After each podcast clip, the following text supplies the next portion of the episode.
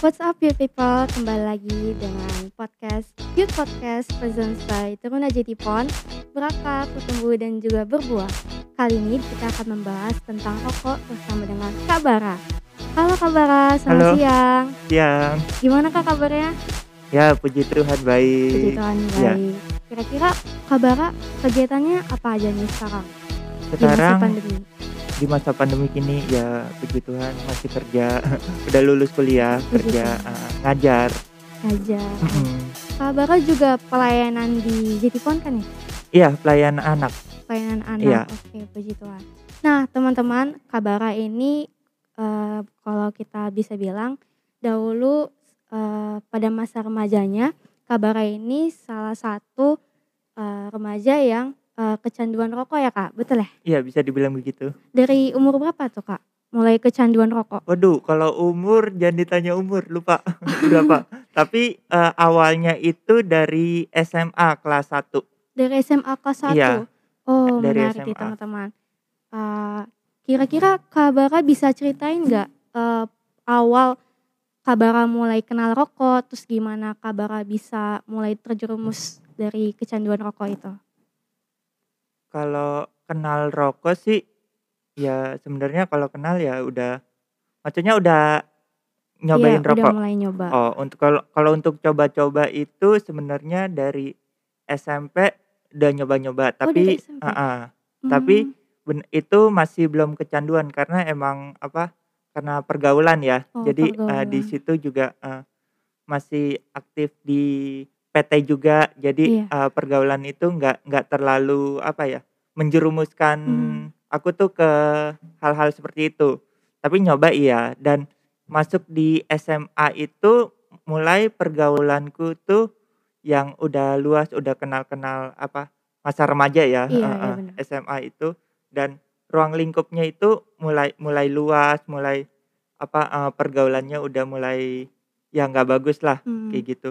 Dan di situ aku tuh mulai apa ngerasa pengen coba lah, eh, pengen kelihatan keren gitu kalau Oh, kalau ngerokok. Karena kan eh, orang tuh kalau dari aku sendiri ya, aku itu orangnya sebenarnya eh, buka eh, bisa dibilang minderan sebenarnya, Hmm. sebenarnya minderan. Kenapa? Karena aku aku sendiri orangnya tuh butuh pengakuan, Oh, iya. butuh pengakuan. Jadi saat saat bergaul itu eh, teman-teman pada ngerokok nih, ih kok lu nggak ngerokok sih? Kenapa? Ih nggak keren lu, ya. eh, eh, Iya. dikira cemen. Jadi apa? Ngerasa itu ih kayak nggak diakuin gitu. Hmm. Jadi eh, waktu pertama kali nyoba ngerokok ya itu karena aku tuh dari pergaulan itu karena memang karena aku butuh pengakuan itu sendiri dari teman-teman. Oke, berarti salah satu alasan Kabara merokok itu gara-gara butuh pengakuan ya dari Hmm, lingkungan-lingkungan iya. sekitar.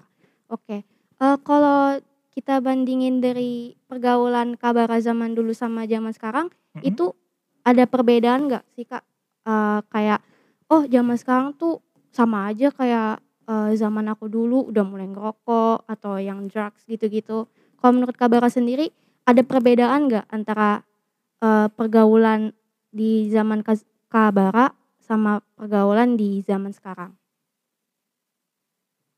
Kalau zaman sekarang ya, mau dibilang zaman sekarang juga sebenarnya jatuhnya sama aja sih, tapi lebih ke kalau zaman sekarang teknologi kan. Hmm. Kan eh, kalau sekarang tuh eh, ada orang-orang yang eh, dari rokok beralih ke apa sih yang vape, Vape ya. vape itu. Iya, eh, benar. eh. Mungkin itu perbe- perbedaannya. Jadi ya sebenarnya untuk pergaulannya sendiri untuk ngerokok atau kayak gitu ya tetap sama sih. Hmm. Oke, nih aku ada data nih Kak dari eh, salah satu organisasi anak Mm-mm. yaitu namanya Lentera Anak. Jadi mereka eh, menginfokan bahwa eh, terdapat 40 juta balita yang menjadi perokok pasif ya. Kemudian ada 65 juta perokok aktif di Indonesia dan itu perokok sudah mulai dari usia 10, 15 tahun eh, hingga beranjak dewasa. Nah, menurut Kabara sendiri em, pandangan Kabara sendiri mengenai perkembangan zaman terus udah mulai banyak anak-anak kecil yang merokok di usia yang seharusnya belum ya Kak. Itu Mm-mm. menurut Kak Bara gimana pandangannya? Ya Ya jujur kalau menurut pandangan dari mataku itu nggak bagus ya, Mmm. karena, eee, ter apa ya, ngerasa itu ya karena zaman sekarang tuh ya udah mulai toleransinya kurang deh, karena Iya, orang ngerasa ya ngerokok itu udah biasa, udah biasa. udah hal biasa, bukan bukan hal yang, ah, lebih lebih parah narkoba kok daripada ngerokok, toh orang ngerokok juga banyak. Misalkan kalau ada anak-anak yang ngerokok, "Loh bapakku juga ngerokok dari dari dulu nggak apa-apa," kayak gitu misalkan ya, Mmm, iya, Bang. kayak gitu. Jadi untuk, eee, apa ya, eee, pandang pan pandangan itu yang perlu apa ya, kayak kita ubah. Mmm, Heeh, cara cara pandang ngerokok. Mungkin kita ngerasa, ya ngerokok itu beng nggak bagus, ya tapi tetap dilakuin kan mhm, pada pada apa, pada zaman sekarang orang-orang juga ngerasa, "Ah, udah biasa kok ngerokok," kayak gitu. oke. Eee, kalau Kak Bara dulu pas ngerokok itu orang tua tahu nggak kalau Kak Bara ngerokok? Atau Kak Bara diam-diam gitu? Nah, ya kalau untuk ketahuan, eee, ya pasti ketahuan. Ya, dan, eee, aku tuh apa ya, dulu ya sembunyi-sembunyi gitu Mmm, ngerokoknya iya, sampai, eee, pernah sempat ketahuan sampai apa, eee Apa, ibuku, eee, apa, periksa meriksa tasku, di situ ada rokok satu bungkus, ya mmm, ketahuan. Tapi di situ mulai aku bohong, "Oh, bukan punya aku bukan oh, punya aku," heeh, kayak gitu. Punya temen waktu itu, apa, bilangnya, eee, "Kebawa kebawa punya temen," tapi nggak ngerokok. Padahal itu ya punya aku sendiri, ya kayak gitu.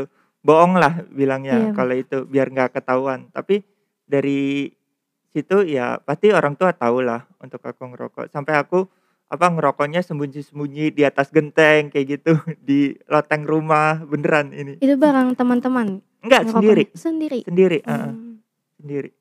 terus, eee, reaksi orang tua ketika tahu kalau Kak Bara bener-bener ngerokok itu gimana Kak reaksinya? Kan ada tuh yang kalau misal orang tuanya yang ngerokok, ya biasa aja gitu, paling ngingetin jangan banyak-banyak, atau ada tipikal orang tua yang marah-marah gitu, itu gimana Kak? Ya pasti, eee, orang tua marah ya, eee, Mmm, pasti pertama marah. Yang tapi waktu itu kan karena aku sembunyi-sembunyi terus, eee, ya ngebohongin orang tua juga bilang nggak ngerokok, padahal aku yakin sih orang tua juga tahu aku ngerokok. Ya pasti, eee, jujur di situ pertama orang tua ya pertama marahin aku, ya kedua pasti orang tua kecewa lah, kenapa anaknya kayak gini, mhm. kayak gitu. Eee, kemudian, eee, ketika Kak Bara ngerokok itu perasaannya gimana sih? Ketika ngerokok misalkan ada kan, eee, orang yang ngerokok itu gara-gara sebagai tempat pelarian ya misalnya lagi stres, "Ah gue cuma ngerokok deh." Terus ketika ngerokok ngerasa, eee, gimana ya, ngerasa kalau rokok itu sesuatu yang sebagai penenang gitu. Kalau Kak Bara dulu gimana perasaannya ketika ngerokok? Apakah ada merasakan sesuatu hal yang positif atau gimana tuh? Kalau aku sendiri sih, eee, waktu ngerokok ya, ya gitu karena, eee, bukan bukan sebagai ya sebagai pelarian Mhm, pelarian, eee, untuk ya pertama dari pengakuan dulu, iya bener. pengakuan untuk, eee, diterima ke teman-teman bahwa, "Ini loh gue apa, eee, "Gue udah bisa" heeh loh, heeh, gue kayak ce" kalian iya, heeh, kayak gitu biar kelihatan keren. Tapi, eee, satu sisi ya pelarian sebagai, eee, pelampiasan bahwa mhm sebenarnya Eee, gue ini udah udah bisa dibilang udah dewasa, udah bebas lah, mhm. heeh, kayak gitu, buat buat buat ngerokok. Nah, eee, dulu Kak Bara ngerasa nggak sih dampak yang ketika Kak Bara ngerokok itu, eee, entah itu dampaknya di keluarga atau di pendidikan mungkin, dulu Kak Bara ngerasa nggak ada dampak buruk atau negatif? Kalau dari pergaulan sendiri ya mungkin kalau dari rokoknya ya, Mmm, itu, eee, dampaknya paling ya ya gitu dari apa, eee, untuk untuk fisik sih nggak ada, tapi dari, eee, kayak kayak ngerokok tuh bikin kecanduan kita tuh apa, eee Ngabisin misalkan kayak dikasih uang nih, duit jajan, eee, jadi kita, eee, ngabisin duit jajan itu. Bahkan kalau apa, waktu itu sambi eee, pernah, nggak dikasih uang sama sekali sampai nyuri nyuri kayak gitu. Nyuri? Heeh, nyuri uang orang tua sampai untuk beli rokok kayak gitu. Tapi ketahuan Kak kalau Bara pernah nyuri uang? Waktu itu pernah sekali ketahuan. Terus, orang tua gimana reaksinya? Tanyain, ditanyain, eee eee, nggak marah sih, tapi, eee, kenapa ngelakuin kayak gitu. Mmm. Kalau orang orang tua orang tua, eee, orang tuaku sih ya kayak gitu ditanyain dulu kenapa, Mmm. heeh. Ya pasti, eee, marah mungkin kalau, mau dibilang marah mungkin kalau ke aku sendiri kan dari dulu aku udah badung ya, mungkin orang tua udah capek kali ya, udah capek, udah udah ya udahlah biarin aja. Tapi, eee, menurutku orang tua kecewa sih pasti, Mmm. jujur kecewa kayak gitu. Kalau Kak Bara dulu kecanduannya itu secandu apa itu? Misalnya sehari ngabisin berapa batang gitu? Mmm, pernah sampai kecanduan bener-bener tuh 1 hari ya 1 bungkus. 1 bungkus? Pernah, mhm. Itu setiap hari Setiap hari dikonsumsi? setiap hari. Terus kalau misalkan Kak Bara udah konsumsi tiap hari nih, Mhm. terus berhenti 1 hari, itu perasaannya gimana? Mmm, ya nggak enak gitu, kayak kayak ngerasa, eee, sampai kecanduannya tuh lebih baik nggak makan daripada nggak ngerokok, kayak gitu. Oh gitu? Heeh. Wah, berarti, eee, bener-bener harus ngerokok walaupun 1 batang gitu dalam sehari? Iya, heeh. Oh. Bener. Nah terus ketika, eee, dalam proses itu, hal apa yang bikin Kak Bara untuk coba berhenti dari rokok? Mmm, kalau kalau untuk berhenti ngerokok awalnya ya ya memang dari awal sebenarnya nggak mau karena apa, eee, ruang lingkup yang temen-temen itu butuh pengakuan, jadi Mhm. aku yang ya terjerumus ikut Mmm. i ikut-ikutan. Tapi satu sisi saat aku ngelakuin ngerokok, jujur dari hati hati kecilku ya aku tahu itu nggak bagis, Iya, itu nggak mmm. bagus, itu nggak baik bahwa, je firman Tuhan kan juga berkata, eee, "Tubuhmu adalah bait Bait Allah, Allah," iya kayak gitu. Jadi, eee, dari dari sebenarnya tuh apa ya, kayak dari dari diriku sendiri, dari lubuk hati aku tahu itu Roh Kudus ya yang bilang ya, Mhm. heeh. Itu eee, itu nggak bagus, aku udah bilang, ah, bahwa apa ya, janganlah, jangan ngelakuin Mhm. itu, tapi karena pergaulan ya gitu jadinya. Oh gitu. Mhm. Terus, eee, kira-kira, eee, untuk mencoba stop dari rokok itu, Kak Bara ngelakuin apa untuk ngejauh dari hal itu?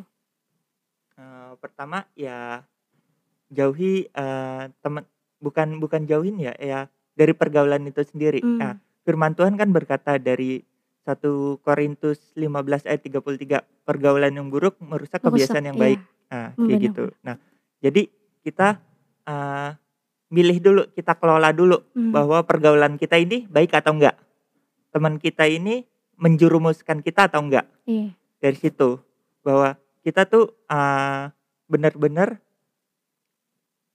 kayak gimana ya, eee kita tuh harus harus bisa manage itulah pergaulannya kita, Mmm. bahwa itu baik atau enggak. Bahwa kita kan misalnya di sini udah teenager, udah udah beranjak dewasa, bahwa kita udah tahu kebenaran mana yang benar, mana yang nggak benar, mana yang bagus, mana yang baik, kayak gitu. Oke, eee, apalagi, eee, kalau zaman sekarang bisa dibilang pergaulan kan semakin hari kian, uh, Iya iya, gitu ya. banget, heeh. Eee, berarti kalau dari pandangan aku untuk mencoba stop dari hal-hal yang buruk itu mulai dari kesadaran diri sendiri ya, Kak. Eee, gimana, eee, karena menurutku gini, eee, ketika kita mencoba mencoba buat, eee, ngajak teman-teman, tapi dalam diri mereka tuh belum ada kesadaran atau belum tertarik gitu, kayak, "Oh iya bener juga yang dia bilang," pasti dia nggak bakal mau gitu. Iya kan ya, Iya. Kak? Kayak percuma gitu kita, eee, ngomong sama batu gitu, tapi batunya itu nggak tergerak dari dalamnya untuk bergeser. Iya kan, Iya, Kak? bener bener. Nah itu juga sih, eee, dalam, eee, dalam konteks ini ya saat kita mau berhenti ngerokok ya pertama ya dari diri Dari kita diri sendiri, sendiri. heeh, dan harus dilakuin. Kan dibilang Mmm. iman tanpa perbuatan hakikatnya mati. Mati. Kalau kita cuma mengimani, "Oh, gue pengen nih ngerokok." Bahkan temen-temen temen-temenku itu ada yang bilang, "Ih, gimana sih caranya berhenti ngerokok?" Ya lakuin dan jauhin apa ya, pergaulan yang nggak bagus. Ya kalian kan tahu udah maksudnya ngerokok itu nggak baik, kenapa masih dilakuin Mmm. kayak gitu. Nah, waktu itu aku tuh ya coba caranya, eee, manage manage pergaulanku, Mmm. manage untuk, eee, nggak instan sih untuk bener-bener Iya. se apa ya, dari kecanduan itu langsung berhenti ngerokok 1 hari nggak ngerokok, enggak. Aku pelan-pelan. Jadi, eee, kayak dari 1 hari itu, oke hari ini coba deh 1 hari 1 batang, Mmm. kayak gitu. Bisa nggak? Kuat nggak bahwa aku ngelakuin kayak gini? Itu konsisten gitu, Iya. bener-bener dilakuin bahwa 1 hari itu ya udah 1 batang 1 batang, lama-lama oke 3 hari 3 hari, terus seminggu seminggu, lama-lama ya berhenti Harus gitu. ada niat ya, Kak? Heeh, harus ada Iya, niat, bener. kayak gitu. Kalau Kak Bara dulu, eee, bener-bener stop dari rokok itu kira-kira butuh berapa lama? Mmm, setahun. Setahun? Setahun. Itu udah bener-bener full nggak ngerokok? Iya, 1 tahun. Pernah nggak ketika proses Kak Bara mencoba stop, tapi gagal gitu? Akhirnya ngerokok-ngerokok, abis itu Iya, stop? yang yang tadi aku bilang proses itu. Kan selama 1 tahun kita kita coba, eee, dari yang 1 hari kayak Mmm. gitu dan apa, saat proses itu berjalan pasti ada teman-teman yang tahu, oh anak ini udah apa, Udah anak ini mulai ngerokok nih. oh. Oh, terus dikasih dong, dikasih Mmm. rokok dong. Ya, kalau orang apa ya, orang ngerokok dikasih rokok ya kayak ibarat, wah Mau-mau aja ini ya? berkat. Gratis ya? Ini wah Berkat dari Tuhan? Iya, ya tahu sih itu salah, tapi kan kayak ngerasa, wah dikasih lagi nih gratis lagi, Iya. nggak perlu beli kan, heeh, kayak gitu. Jadi itu maksudnya, eee, apa ya, itu kendalanya, maksudnya itu prosesnya bahwa Mmm. kita tuh diuji, kita di di Iman diuji diuji sama juga. Tuhan bahwa bener nggak nih anak ini mau berhenti ngerokok. Saat, eee, teman kita ngasih, saat misalnya kayak gitu, ngerokok kayak gitu, ya jujur pertama kali itu berat berat banget berat banget, eee, ngejawab, "Ah enggak," padahal dalam hati, "Aduh Mau. mau dong, mau mau," kayak gitu. Kayak gitu sih. Eee, terus, eee, ketika Kak Bara ngerokok itu, Kak Bara ada pernah niatan nggak sih untuk mencoba sesuatu hal yang di atas level rokok? Misalnya kayak drugs gitu atau hal-hal yang lain? Pernah Jujur enggak. kepikiran nggak? Enggak? Jujur enggak enggak. Kalau dari lingkungan Kakak sendiri, teman-teman ada yang udah naik di atas level itu kah? Banyak. Banyak? Banyak Wah. temenku ada yang, eee, sampai level ya Narkoba? narkoti eee, narkotika kayak gitu, Oh. banyak. Ada ada beberapa lah yang temenku udah sampai level kayak gitu dan itu bener-bener dari yang itu bilang tadi, pergaulan itu. Mmm. Bahwa, eee, apa, kita tuh saat saat kita udah, eee, udah nyoba sesuatu yang ngerasa kita, ya udah nih Udah enak nih fun, heeh, have udah fun, nyaman. eee, udah nyaman kayak gitu. Kita tuh ngerasa ya hakikatnya manusia kan emang maunya lebih ya, eee, Mmm. apa, eee, nggak nggak nggak merasa puas gitu dengan Mmm. hal kayak gitu. Jadi pengen coba lagi coba lagi yang lebih lebih lagi kayak gitu. Salah sat ya caranya gimana, ya stop dari situ. Harus bener-bener ngerasa ya jujur puji Tuhan banget apa, selama aku ngerokok ya, ya itu dari awal tuh udah udah ada niatan sebenarnya ya nggak boleh kayak gitu. boleh. Dari lubuk hati udah bilang, ya nggak bagus, kenapa kenapa dilakuin kayak gitu. Mmm. Jadi saat pernah waktu itu ditawarin, eee, sama temen ya kayak gitu, na ya Narkoba? heeh, kayak Mmm. gitu, ya aku bilang enggak. Enggak? Heeh, puji Tuhan sih. Terus, eee, alasan kuat atau alasan utama Kak Bara untuk berhenti dari rokok itu apa? Alasan kuatnya? Ya alasan kuatnya ya karena, eee dari kecil tuh ya aku tuh udah di apa, eee ditanami ya, eee, be dengan firman Tuhan yang ada Iya, dan mmm. itu ngerasa ya itu tertanam itu Mmm. di jadi dari kecil, dari sekolah minggu, Mmm. dari apa, PT. eee, PT juga Mmm. kayak gitu bahwa ngerokok itu nggak Nggak bagus, bagus. heeh. Jadi pas apa, eee, dari lubuk hati sebenarnya ya udah sebenarnya nggak bagus kayak gitu. Mmm. Berarti, eee, semakin lama Kak Bara merokok, semakin hati tuh kayak nggak enak gitu ya, Kak? Kayak merasa bersalah? Eee, enggak sih, ah, jadi awalnya itu kita coba-coba itu, eee, kita ngerasa bahwa oh kita tahu nih itu nggak benar. Hmm. Tapi lama-lama saat apa saat kita ngelakuin itu terus, jadi kita ngerasa ya ya udah itu jadi habit kebiasaan yang Hmm. udah ngerasa Susah Ya. buat dilepas. Heeh. Hmm. Jadi kayak ibarat eh, yang ada di dalam hati kita itu udah Roh Kudus ya, Roh Kudus Hmm. yang mengatakan bahwa apa tuh udah kayak misalnya contoh deh kayak gini, misalkan eh, kayak eh, pertama eh, kamu pernah dipanggil sama orang sekali tapi nggak dengar, nggak dengar sama Hmm. sekali nggak dengar. Orang itu capek dong Iya. eh, manggil.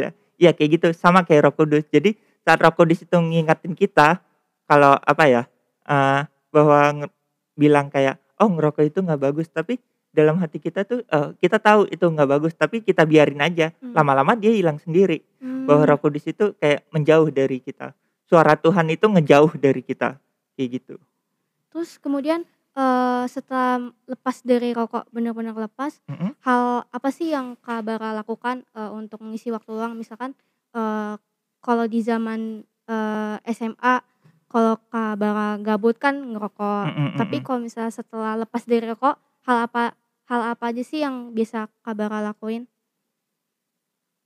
hal yang dilakuin saat eh, terlepas dari ngerokok ya pertama itu eh, kita bikin kegiatan yang apa ya membuat kita tuh senang gitu selain Hmm. rokok ya Hmm. misalkan eh, apa ya misalnya main gitar atau Hmm. apa gitu bikin kan kalau kalau sekarang kan eh, apa eh, udah banyak kan kayak main TikTok kayak main apa kayak kayak gitu Yang penting positif yang ya penting Kak. positif lah eh, eh, kayak gitu Iya. dan eh, ikut persekutuan pelayanan Hmm. ikut pasti itu membantu banget buat kita benar-benar apa eh, terlepas lah dari itu Hmm. karena kan itu eh, apa ya kayak kita kita punya kegiatan lain selain kita Iya. sendiri daripada kita cuma ngapain gitu nggak jelas eh, diem di rumah Ah, saat kita sendiri itu eh, hal apa ya hal tersulit deh karena itu eh, kayak kita tuh membangun eh, integritas kita Iya. Ah, integritas kita. Kalau kalau sendiri tuh banyak kan pikiran jahat Iya. masuk, eh, kayak Banyak gitu. cobaan eh, iblis banyak cobaan. eh. kayak gitu sih. Eh, terus eh, kira-kira Kak Bara ada pesan-pesan nggak atau tips dan trik nih buat teman-teman di luar sana ya people eh, supaya nggak terjerumus nih yang nggak yang nggak terjerumus dulu deh pesan-pesan buat teman-teman yang nggak terjerumus Yang nggak terjerumus. iya Ah iya. Buat teman-teman youth people ya, iya youth people yang eh, belum terjerumus, ya benar-benar tuh. Yang pertama bangun integritas, bangun integritas benar-benar jaga pergaulan bahwa pergaulan itu ya benar banget pergaulan yang buruk merusak kebiasaan baik. Saat kalian udah tahu itu nggak bagus, ya jangan dilakuin. Ah, dan yang kedua ya tetap eh, bergaul dengan orang-orang yang bisa eh, membangun segi positif lah. Misalkan ikut pelayanan, Hmm, ikut eh, persekutuan pelkat, kayak gitu sih. hmm. kalau buat teman-teman yang sekarang lagi dilema nih kak lagi ngerokok pengen berhenti tapi aduh kayak gak kuat gitu kak gimana tuh buat teman-teman di luar sana Untuk teman-teman yang pengen berhenti, ya lakuin itu. Maksudnya ya dari dari segi sisi kese- kesehatan itu sendiri kan itu nggak bagus. Dan eh, saat kalian apa yang ngelakuin coba berhenti ya jangan jangan pikirnya secara instan gitu. Semua butuh proses. Semua butuh butuh proses nggak apa-apa pelan-pelan aja pasti pasti bisa tuh kok. Yang penting ada niatan dan eh, bangun bangunnya itu maksudnya eh, dari pergaulan juga Ah, Hmm, eh, cari cari apa eh, misalkan kakak mentor kakak pelayan Hmm. yang bisa eh, membimbing kalian untuk berhenti kayak gitu dan ikut persekutuan juga Eh, Oke, luar biasa sekali nih cerita dari Kabara teman-teman. Gimana nih teman-teman perasaannya ketika sudah mendengar eh, pengalaman eh, dari Kabara? Semoga eh, teman-teman yang mendengar podcast ini bisa eee, terarah ya dan juga, eee, tertanam di dalam hati dan pikiran kalau misalkan tubuh kita ini adalah bait Allah. Jadi, eee, kita nggak boleh macam-macam nih teman-teman sama tubuh yang udah dikasih sama Tuhan. Karena, eee, balik lagi setiap orang itu kan punya pilihan masing-masing ya teman-teman. Tapi kita harus perhatiin kalau misalkan pilihan kita itu bisa berdampak bagi diri kita sendiri dan juga, eee, bagi orang lain di lingkungan kita sekitar. Dan juga kita harus memperhatikan, eee, ketika kita, eee, akan melakukan sesuatu balik lagi ke tujuan hidup kita. Tujuan kita tujuan hidup kita itu untuk apa sih? Tujuan hidup kita ya untuk memuliakan nama Tuhan ya Kak yang bener banget. pastinya. Jadi, eee, untuk segala bekal baik dari, eee, menjaga pergaulan, membangun integritas, kemudian dimulai dari kesada kesadaran diri, itu menjadi bekal kehidupan bagi kita untuk menghindari hal-hal yang negatif, gitu teman-teman. Oke sekian, eee, dari podcast Youth Podcast kita pada hari ini. Terima kasih Kak Bara Iya, atas waktunya. sama-sama. Sampai jumpa.